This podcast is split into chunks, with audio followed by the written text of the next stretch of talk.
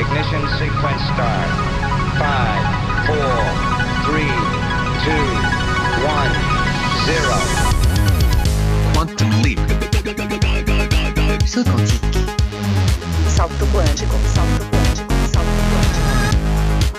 Quantum leap. Salto quantico. Salto quantico. Kvantum, det du inte visste att du ville veta. Saker och ting går inte alltid som man hade tänkt sig. Vad sägs om den underdriften?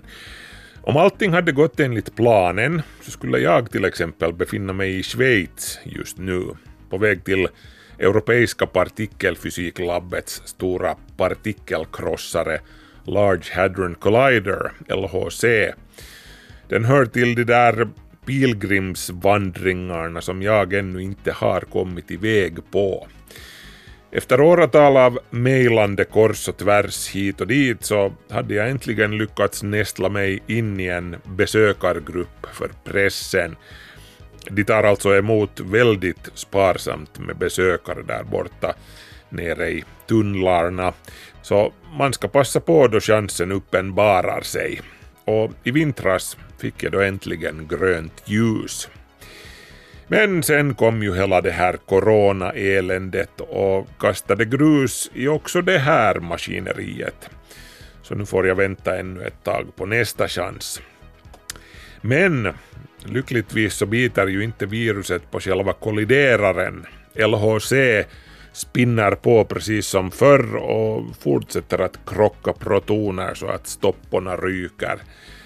Och nu har man dessutom kommit helt ny fysik på spåren, eventuellt.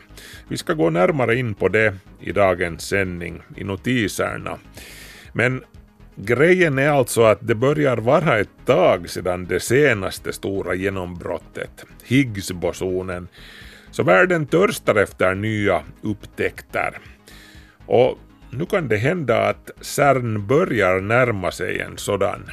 Eventuellt vi får vänta och se, men det händer hur som helst spännande saker i världens största maskin just nu. För det är ju vad den är alltså, världens största maskin. Hejdlösa 27 kilometer i omkrets. Så stor att den ligger i två länder samtidigt, under marken, det vill säga under Schweiz och Frankrike. Men det är nödvändigt att bygga någonting så stort när man vill slå sönder saker så fullständigt och totalt som det bara går. Det är ju alltså vad Large Hadron Collider går ut på. Den är ju den ultimata pojkdrömmen. Vilken grabb har inte i något skede slagit sönder prylar för att se vad där finns inuti? Föräldrar tenderar ju att inte uppskatta sådant hej mamma. Men på CERN, där får de göra det med både chefens och mammas godkännande. De får accelerera upp sina små inom citat leksaksbilar och krocka dem i nära ljusets hastighet för att kunna se när bitarna strittar åt alla håll och kanter. Och de får lön för det dessutom. Vilket drömjobb, eller hur? Hur som helst, det som trillar ut till slut om man kolliderar tillräckligt hårt och länge är kvarkar. Universums allra minsta och mest grundläggande små legobitar. Det ska handla om kvarkar ur ett par olika synvinklar i dagens kvanthopp. Som sagt så ska vi höra om spännande ny fysik som CERN jagar i notiserna, men senare ska vi också höra om vad ett finländskt forskarteam tror sig ha hittat inuti neutronkärnor, universums mest extrema och brutala kärnor. Det involverar också kvarkar. Så ska Albert Ernroth berätta om intresset för astronomi som lär öka kraftigt i Storbritannien just nu.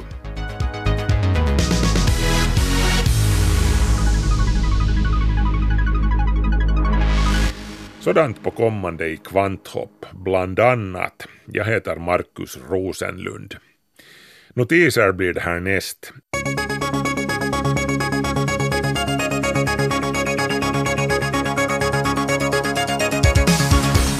Det börjar vara ett tag sedan Europeiska partikelfysiklabbet CERNs stora protonkrossare Large Hadron Collider levererade något stort genombrott det är snart åtta år sedan Higgsbosonen upptäcktes.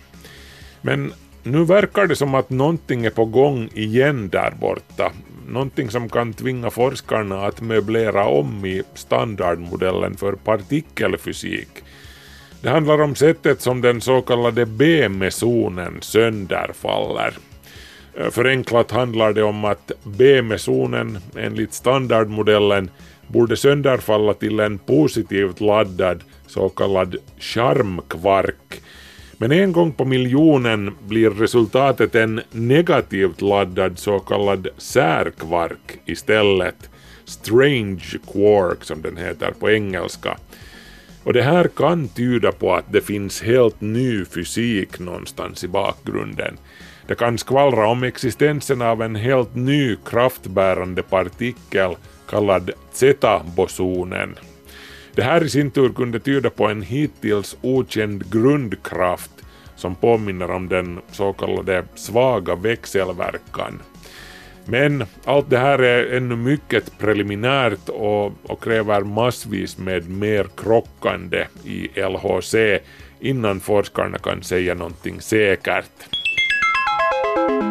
Förarlösa metrotåg är ju redan vanliga ute i världen men nu ska också de vanliga pendeltågen bli automatiserade. Bland de första i det här ledet är Tyskland. Där ska två förarlösa passagerartåg rulla från och med nästa år, närmare bestämt i Niedersachsen. Det är den franska transportjätten Alstom som står bakom tekniken. De testade ett motsvarande självkörande godståg i Nederländerna 2018 och nu ska alltså persontrafiken också bli automatiserad. Det handlar om två Coradia kontinentaltåg som utrustas med ett europeiskt system för tågstyrning, ECTS, samt utrustning för autonom tågdrift inklusive artificiell intelligens.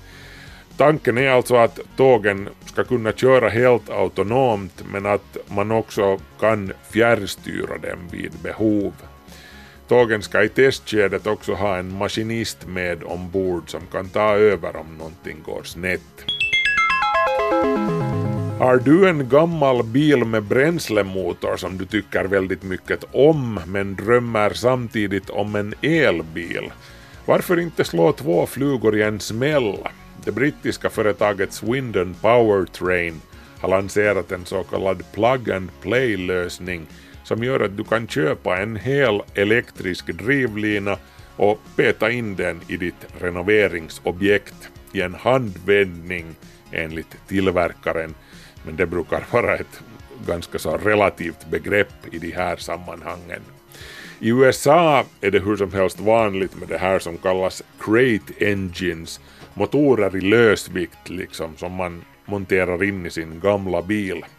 Men istället för en massiv mullrande V8 så erbjuder Swindon Powertrain en kompakt liten elmotor på 80 kilowatt och 136 newtonmeter färdigt kopplad till en växellåda och differentialspärr. Hela paketet är bara 40 gånger 40 gånger 25 cm stort eller litet och väger snäppet under 50 kilo. Priserna startar från 6 400 pund plus moms och leveranserna startar i augusti. Den närmaste jordliknande exoplaneten Proxima b som kretsar kring solens grannstjärna Proxima Centauri blev nyss ännu lite mer lik jorden. De uppdaterade beräkningarna av dess massa tyder på att planeten har 1,17 gånger jordens massa. Det här är lite mindre än den ursprungliga uppskattningen. Och det här är ju spännande med tanke på att vi redan visste att Proxima b kretsar runt sin sol i den så kallade livsvänliga zonen, där det varken är för hett eller för kallt för att vatten ska kunna förekomma i flytande form. Med andra ord, Proxima b har sannolikt en behaglig temperatur Och nu verkar det också som att tyngdkraften är mera som här på jorden. Solljuset som planeten får är däremot mycket rödare än vårt eget solsken eftersom dess sol, Proxima Centauri, är en så kallad röd dvärgstjärna. Proxima B upptäcktes 2016 av ett team astronomer som inkluderade finländaren Mikko Tuomi.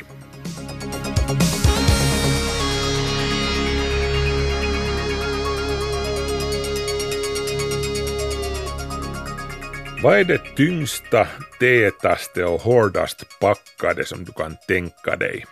Hur tungt och hårt packat det än är så är det fjäderlätt jämfört med det som en grupp med finländska forskare tror sig ha stött på i rymden.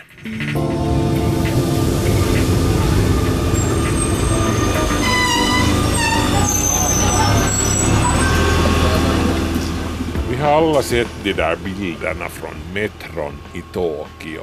Folk som står packade som sillar. Metron har till och med någon vars jobb det är att knuffa på människorna och packa dem ännu tätare så att dörrarna ska gå att stänga. Det, det är ingen behaglig tanke det här. Speciellt så här i coronapandemin, så den sociala distanseringens tid. Men jag måste medge att jag, jag har lite lätt cellskräck så, så jag tycker hur som helst att det här är obehagligt. Ändå är det här ingenting jämfört med hur tätt vi kunde packa de här passagerarna i Tokyos metro. Om någon tog i och tryckte riktigt rejält. Det finns nämligen gott om tomt utrymme i det mest kompakt packade metrotåget. För att hitta det tomrummet måste vi gå ner på atomernas nivå. Atomerna som vi består av består nämligen i sin tur av nästan ingenting alls. Det mesta av dem är tomrum. Vi är bokstavligen flyktigare än morgondimman.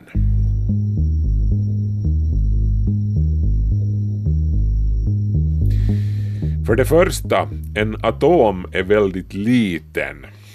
Veckans underdrift där. På en millimeter kan du rada upp 10 miljoner atomer sida vid sida. Men den del av atomen som innehåller nästan all massa, kärnan där protonerna och neutronerna huserar, är mycket, mycket, mycket mindre än så. Atomkärnan är till sin storlek hundratusen gånger mindre än hela atomen och ändå utgör den 99,9 procent av atomens massa. Mellan atomkärnan med sina protoner och neutroner och atomens skal med sina elektroner finns det med andra ord en hel massa ingenting. Tänk dig Globen, den klotformade idrottsarenan i Stockholm, ni vet. Om den skulle vara en uppförstorad atom skulle elektronerna finnas där som innerväggarna är och kärnan skulle vara stor som en fluga i mitten av globen.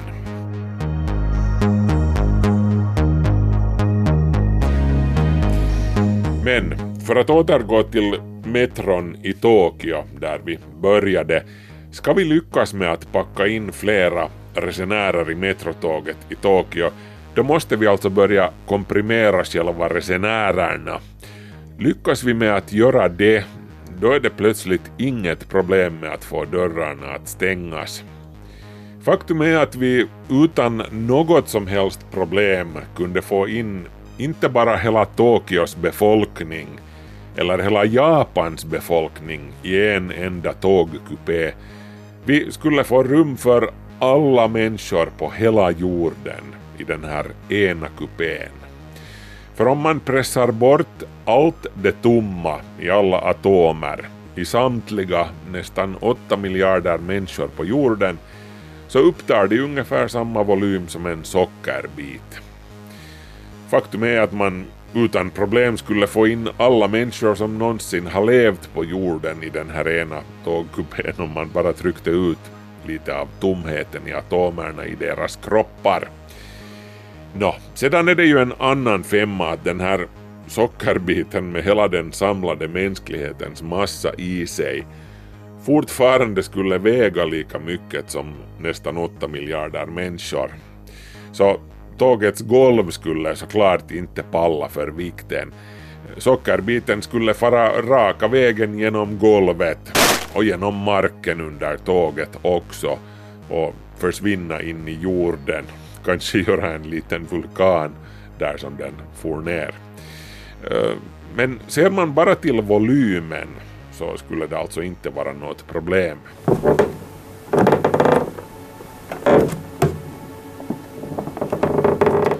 Kanske någon invänder att ja men det där är ju helt hypotetiskt. Så tätt packad materia finns det inte.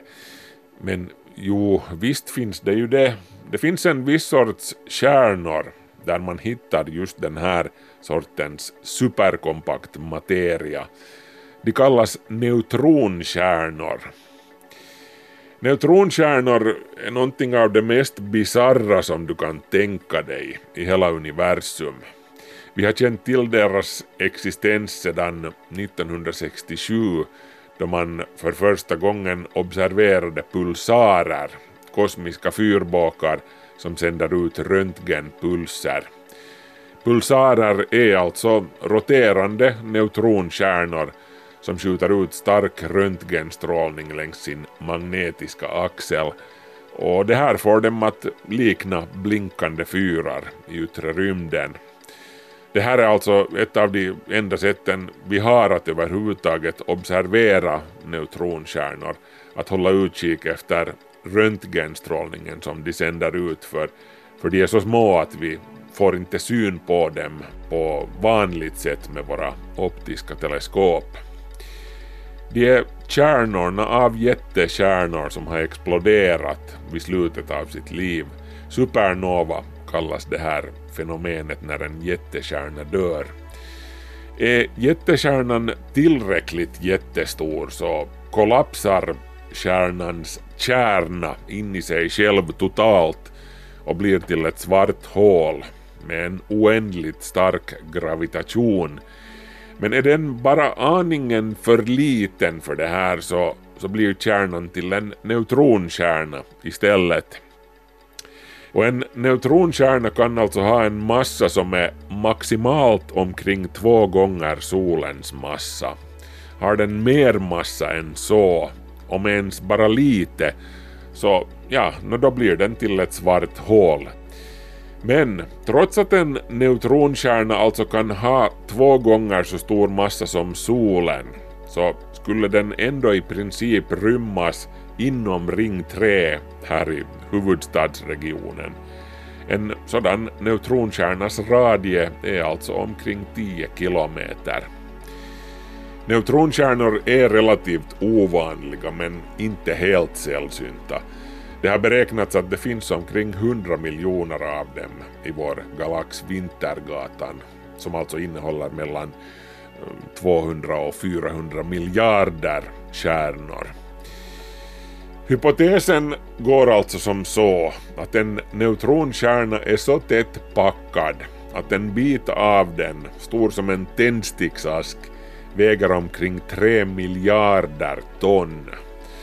Och det gör den uttryckligen för att alla atomer är så tätt hoppressade att inte bara atomerna är ihopklämda utan själva atomkärnorna är ihopklämda till neutroner som i sin tur är packade som sillar i neutronkärnan. Det här hypotetiska ultrakomprimerade materialet kallas av vissa för neutronium eller grundämne 0. Det finns lustigkurrar som har föreslagit att Tors hammare, Mjölner, skulle bestå av just neutronium. Då skulle den väga lika mycket som 300 miljarder elefanter.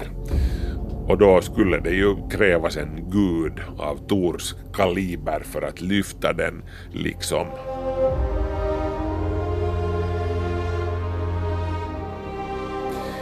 Men Tor kanske får lov att shoppa efter en ännu häftigare hammare snart.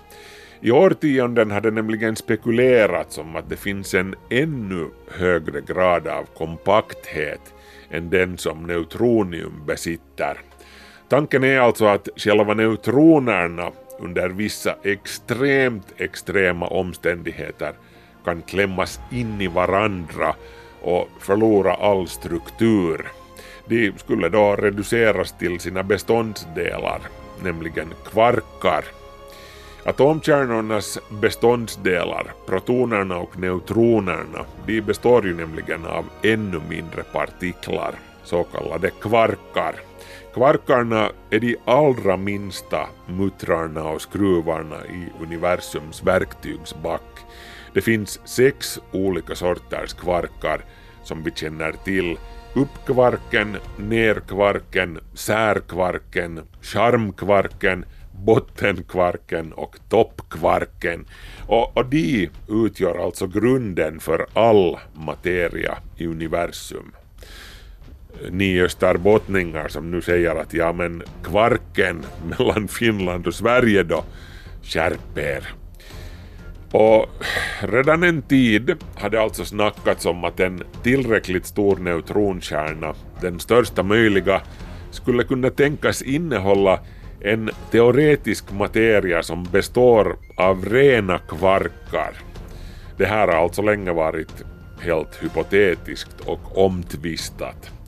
Men nu i dagarna publicerades det en studie i Nature Physics gjord av ett team bestående av huvudsakligen finländska forskare som tycks bekräfta den här påstådda kvarkmaterians existens.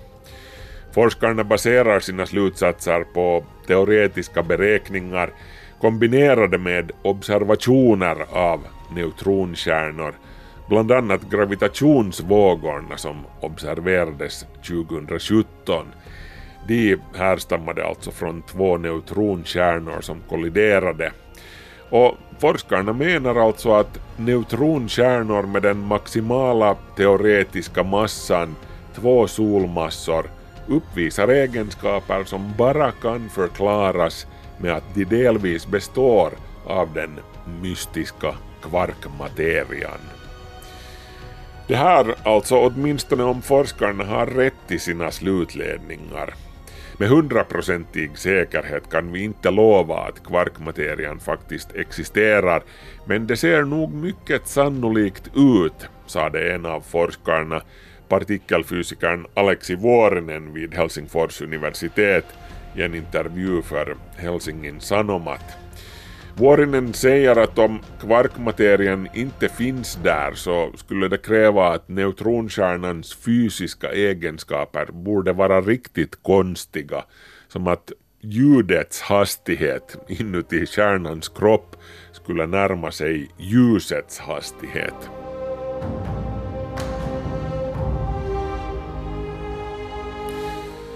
Allt det här är ju i och för sig nog särdeles spännande och intressant, men i praktiken kommer det nog att bli svårt att studera kvarkmaterian på närmare håll och få, få allt det här bekräftat en gång för alla.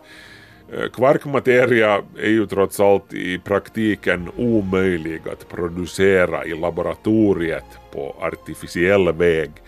Så till den grad extrema omständigheter kräver den för att uppstå att det inte ens i teorin går att tänka sig den partikelaccelerator som lyckas hamra fram den här kvarkmaterian.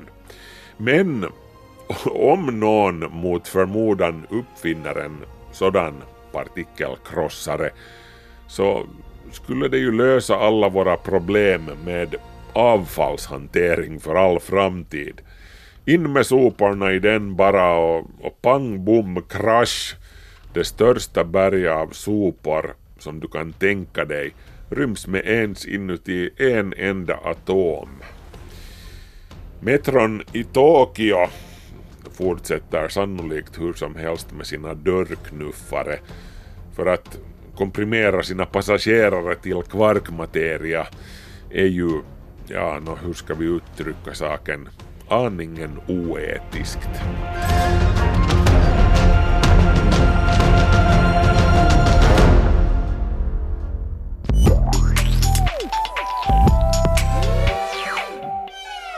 Yle. Vega. Fake-nyheter, konspirationsteorier och känslor framom fakta har blivit vardag.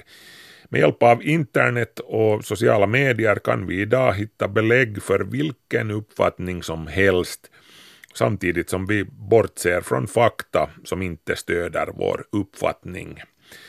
Det här sitter djupt rotat i oss och kallas för bekräftelsebias, en tendens i vårt mänskliga beteende att medvetet och omedvetet vara selektivt uppmärksam på sådan information som bekräftar våra egna uppfattningar. Anki Westergård har satt sig in i det här fenomenet som vi alla i större eller mindre utsträckning lider av. Bekräftelsebias, eller konfirmeringsbias, är starkt förankrat i oss. Det innebär ett selektivt tänkande där vi tenderar att lägga märke till sånt som bekräftar vår egen övertygelse. Samtidigt så ignorerar eller undervärderar vi relevansen hos det som inte stöder vår övertygelse.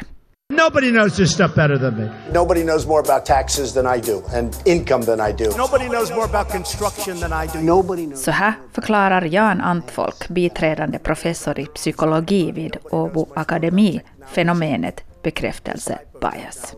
Bekräftelsebiasen eller den här tankefelet så eh, beskriver vår tendens att föredra sån information som stöder eller stärker våra förhandsuppfattningar kring någonting.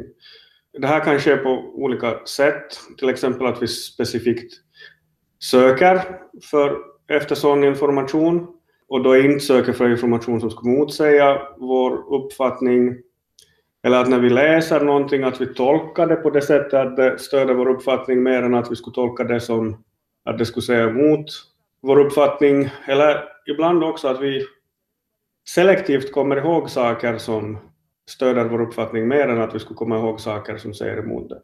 Så att all, allting handlar på något sätt om det att, att när vi har en förutfattad mening kring någonting så organiserar vi informationen kring det här på ett sådant sätt att vi inte behöver falsifiera den här uppfattningen utan att vi hela tiden söker bara mer och mer stöd för den och kanske också blir mer och mer övertygade om att vi hade rätt från första början. Contributions on anybody. And who knows more about the word apprentice than Donald Trump? I understand politicians better than anybody. Vi tar ett exempel. Om du är övertygad om att fullmåne påverkar din nattsömn så kommer du medvetet och omedvetet att leta efter bevis som stärker den här uppfattningen. Det här oavsett om det finns vetenskapliga belägg eller inte för hur fullmåne faktiskt påverkar vår sömn. Bekräftelsebias hittar vi på både samhälls och individnivå. Det här genomsyrar nog allt vårt tänkande. Tyvärr så är det ganska sällan som vi är beredda att, att bli övertygande om motsatsen till vad vi tror. Så här skulle jag nästan vilja uppmana människor att, att ibland våga testa sina uppfattningar liksom gentemot data. Eh, och det är ju ingenting hemskt i att inse att man har haft fel uppfattning kring någonting. Jag tror att om man inte ibland åtminstone medvetet försöker göra, göra det här, att man försöker se hur data egentligen ser ut eller hur sanningen egentligen ser ut, så, så är man nästan alltid fast i en, en slags bekräftelse bias. På samhällsnivå så tänker jag att det också finns en del försanthållanden, alltså saker som vi vill tro att är sanna och där vi kanske inte utgår från vad forskning till exempel säger eller vad, vad som egentligen är sant. Um, här brukar jag ta som ett exempel en, en, en idé som verkar vara ganska vitt utbredd um, hos oss i Finland. Och det är tanken om oss själva som ett väldigt tyst folk. Eh, och ett försiktigt och kanske lite blygt folk. Och jag vet inte hur sanningen ser ut, eh, men jag undrar om, om en studie skulle visa att finländare är lika pratsamma som nordbor överlag eller människor i Europa överlag, så tror jag att ändå vi skulle på något sätt hålla oss fast vid liksom den här tanken om att, att vi är någonting som är utpräglande för oss är just det att vi är väldigt tysta. Har då det informationssamhälle vi lever i gjort diskussionerna omöjliga? Att vi aldrig längre kan mötas eftersom vår bekräftelse-bias är starkare än någonsin, då vi nu kan välja vilken information vi tar del av och vilka bubblor vi väljer att umgås i. På sätt och vis eh, så kanske det kommer till ett, ett tydligare uttryck nu än tidigare. Eh, alltså den här tendensen eh, att göra den här typens tankefel så är absolut inte någonting som är nytt utan någonting som säkert har funnits hos oss människor alltid. Men om man tänker hur information nu är tillgänglig på ett annat sätt än tidigare och vi kan själva liksom i större grad välja mellan olika källor för information och de här källorna är kanske inte alltid helt neutrala och vi vet ungefär vad vi kommer att stöta på om vi söker på ett visst ställe så minskar ju det här sannolikheten på att man stöter på sådana fakta som då falsifierar ens uppfattning. Eh, och det här betyder ju då att ens bekräftelsebias kan härja fritt. Eh, och man brukar ju prata om att, att, in, att på internet så finns sådana här, vad ska jag säga, ekokammare, Eh, alltså där man bara diskuterar med andra som har samma uppfattning som man själv har.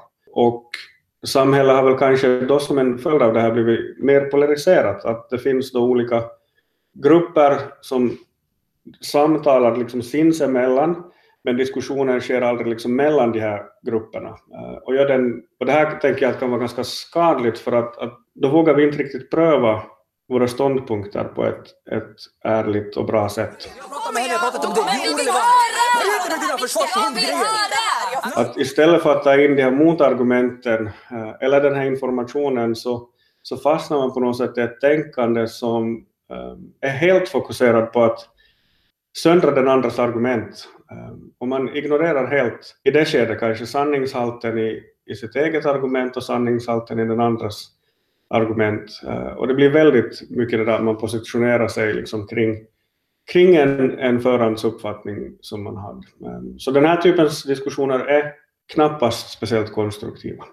Ingen går fri från bekräftelse-bias, inte ens de som vi tror att ska göra det.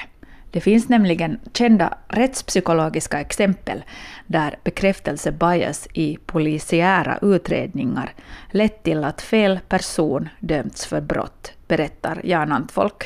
Om man tänker sig en, en um, polisiär utredning, uh, brottsfall där det finns en, en gärningsman så är det inte alls ovanligt att uh, de som utreder brottet fäster sig vid sin första misstanke och kanske till och med helt ignorerar motbevis uh, och bara söker efter bevis som stöder den här misstanken.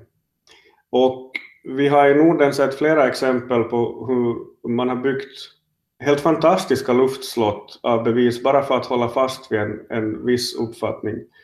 Eh, ett väldigt känt fall så är det Thomas Quick, eller Sture Bergvall-fallet i Sverige. Det finns ju väldigt bra information nu i efterhand liksom om, om på hur många punkter det här gick fel. Och väldigt många av de punkter där det gick fel så handlar om en slags bekräftelse-bias. Att man hade redan bestämt sig för vem som var den skyldige och sen så formar man bevisen efter den här tanken istället för att göra tvärtom och låta bevisen forma vem man trodde var den skyldige. Och I rättsliga sammanhang så har man till och med visat att, att sådana saker som upplevs som väldigt objektiva, som att testa eller jämföra fingeravtryck eller testa eller jämföra DNA-bevis, så eh, analysen av fingeravtryck och DNA så tolkas också i någon mån utgående från vad analytikerna har för förhandsuppfattning. Ett världskänt exempel på det här är bombdåden i Madrid år 2004, då man tolkade fingeravtrycken felaktigt som en följd av bekräftelsebias, och därför inriktade sig på fel personer i början i jakten på de skyldiga. Så klassikern ”jag sitter i fängelse men jag är oskyldig” är alltså i viss mån då sann. Det, det vet man, uh, att det finns um, en del oskyldigt dömda Uh, och inte alltid, men ibland så kanske i den rättsliga processen som har lett fram till att någon, någon som är oskyldig blir dömd, uh, så har det förekommit liksom någon form av bekräftelsebias, endera under den polisiära utredningen eller så um, till och med i domstolen så har man sett att, att det händer. Även om både polisen och uh, jurister är på något sätt tränade i att försöka tänka logiskt och hantera eh, bevis på ett strukturerat sätt. Så den här tendensen till att, att göra den här typens tankefel, så den är väldigt svår att bli av med också. Men all, eh, all forskning visar att du har helt fel. Det är män från alla möjliga samhällsskikt som eh misshandlar och våldtar Fast det är inte, det är inte problemet med jämställdheten, det är en liten grupp som gör det här. Vi inte, vi, vänta, låt Ruben prata klart Vana att göra det. Utan alltid, men alltid med mansrollen, då hamnar vi där. Då dyker de upp de här, de här. Åh, jag är så dum och jag är man, förlåt. Och så ett högst aktuellt exempel till sist. Och det som jag tänker från ett sådär hälsopsykologiskt perspektiv och som jag har observerat lite nu under den här pågående pandemin är att människor väljer i någon mån läger också eh, kring hur man tänker, till exempel kring olika samhällsrestriktioner. Och det här är ganska intressant för att, att kring vilka restriktioner som fungerar och inte fungerar så det finns evidens, det finns forskning och eh, myndigheterna eh, i Finland så, så baserar ju sina rekommendationer på den här forskningen och regeringen tar beslut eh, baserat på på myndigheternas rekommendationer, precis som sig bör. Eh, men samtidigt så kanske man av någon annan orsak tycker att någon annan eh, rekommendation skulle vara bra eller att de är överdrivna eller att de borde vara strängare. Och då börjar man selektivt söka efter saker på nätet som stöder en själv i den här uppfattningen. Och samtidigt så måste ju också myndigheterna och eh, politiker vara ganska tydliga med att, att ingen vet förrän den här pandemin är över vad som var det mest effektiva. Ja, och det, det ser man både i Sverige och Finland, och, trots att man i Sverige och Finland åtminstone hittills har haft väldigt olika strategier. Men ändå så, så kan människor vara så fästa vid sin egen åsikt, eh, att man på något sätt väljer att tänka att det ena är mer effektivt än det andra, även om ingen ännu med någon fullständig säkerhet vet. Yle Vega. Anki Westergård var det som var reporter i det inslaget. Kvanthopp, det du inte visste att du ville veta. Till England ska vi nu. Storbritannien har genom tiderna haft många betydelsefulla astronomer och kosmologer Newton, Halley, Herschel, Patrick Moore, Jocelyn Burnell och många fler. Intresset för solen och stjärnorna och natthimlen kan i England och Skottland spåras flera tusen år tillbaka från Avebury, Stonehenge och flera andra stencirklar till Greenwich Observatory och Stephen Hawking det finns hundratals astronomiska sällskap i Storbritannien och flera föreningar och butiker som säljer astronomiska instrument har märkt på sistone att intresset för astronomi har ökat så här i coronatider.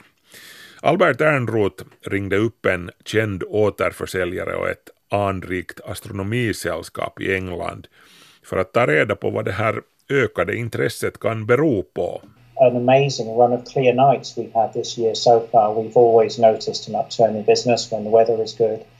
And of course, with lockdown, which has been in place here for two months now, people have been stuck at home, sometimes looking for new hobbies, sometimes rediscovering old ones. They may have discovered uh, an old telescope in the attic which hadn't been used for years. Jag talar med Simon Bennett som äger Widescreen Center som är en av Storbritanniens största återförsäljare av astronomiska instrument och alla tillbehör inklusive observatorier. I Storbritannien har vi under de senaste två månaderna upplevt den soligaste våren i mannaminne och ovanligt många molnfria nätter. Det kom inte en droppe regn under maj månad här i Wiltshire, där jag bor. Nedstängningen, the lockdown, ledde som bekant till att hemförlovade människor plötsligt hade massor med tid att återupptäcka eller till och med skaffa en ny hobby. Somliga kanske hittade ett bortglömt teleskop på vinden. Once you got the equipment, the night sky is free. There's no monthly subscription. You don't have to worry about how strong the signal is. You just need to wait for clear weather. Natthimlen är gratis. Det krävs inget bredbandsabonnemang och du har obegränsad surf. Luftföroreningen minskade under coronakrisens första två månader så kraftigt i storstäderna att det skapade ideala förutsättningar för att observera stjärnhimlen, till och med med blotta ögat. Simon Bennett berättar att försäljningen av teleskop och andra astronomiska instrument i april och maj ökade med 50 procent trots att han bara fick sälja via internet. Our best selling telescope is under 200 pounds and is remarkable value for money compared to what used to be around a generation ago.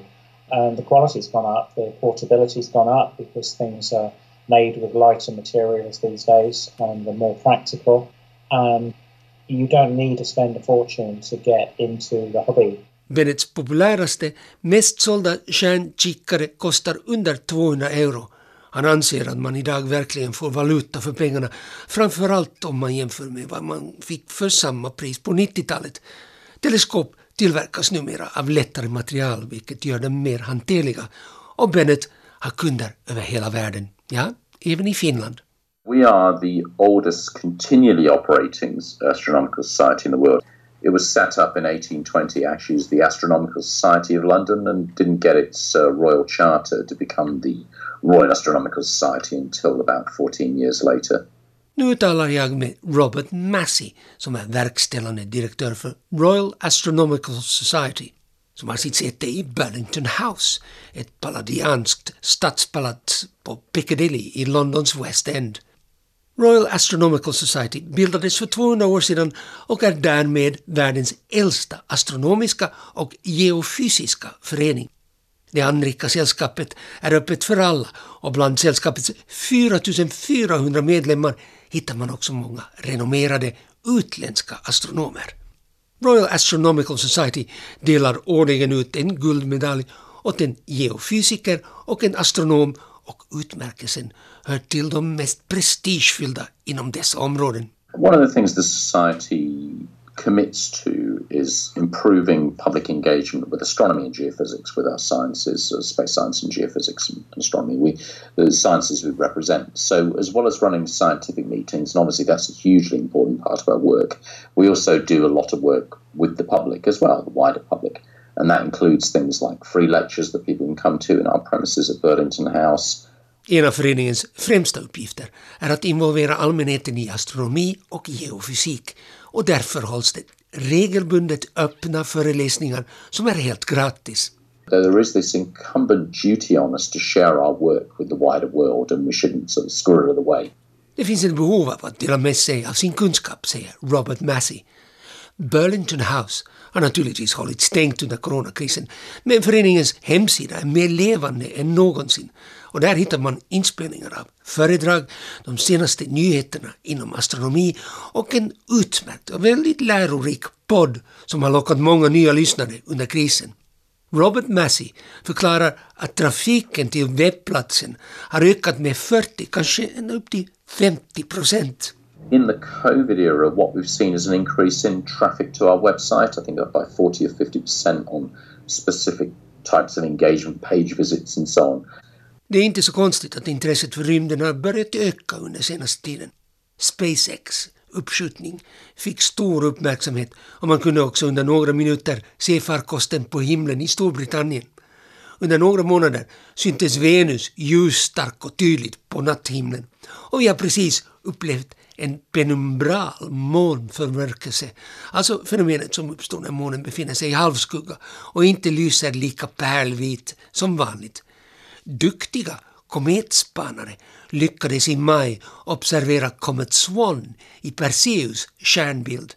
Men kometen har försvunnit lika plötsligt som den dök upp och har möjligtvis ångat bort efter att ha drabbats av solhetta.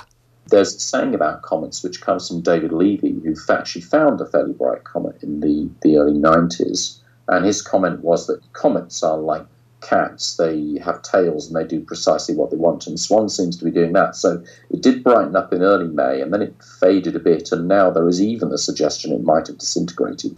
Den kanadensiske asteroidjägaren David Levy har sagt att kometer är som katter. De har svans och gör precis som de vill. Det var en australiensare som så sent som i april upptäckte Comet Swan. Han fick tid att ägna sig åt sin favorithobby, att jaga kometer, efter att ha blivit hemförlovad på grund av coronakrisen. Det var Albert Ernroth som var reporter i det inslaget.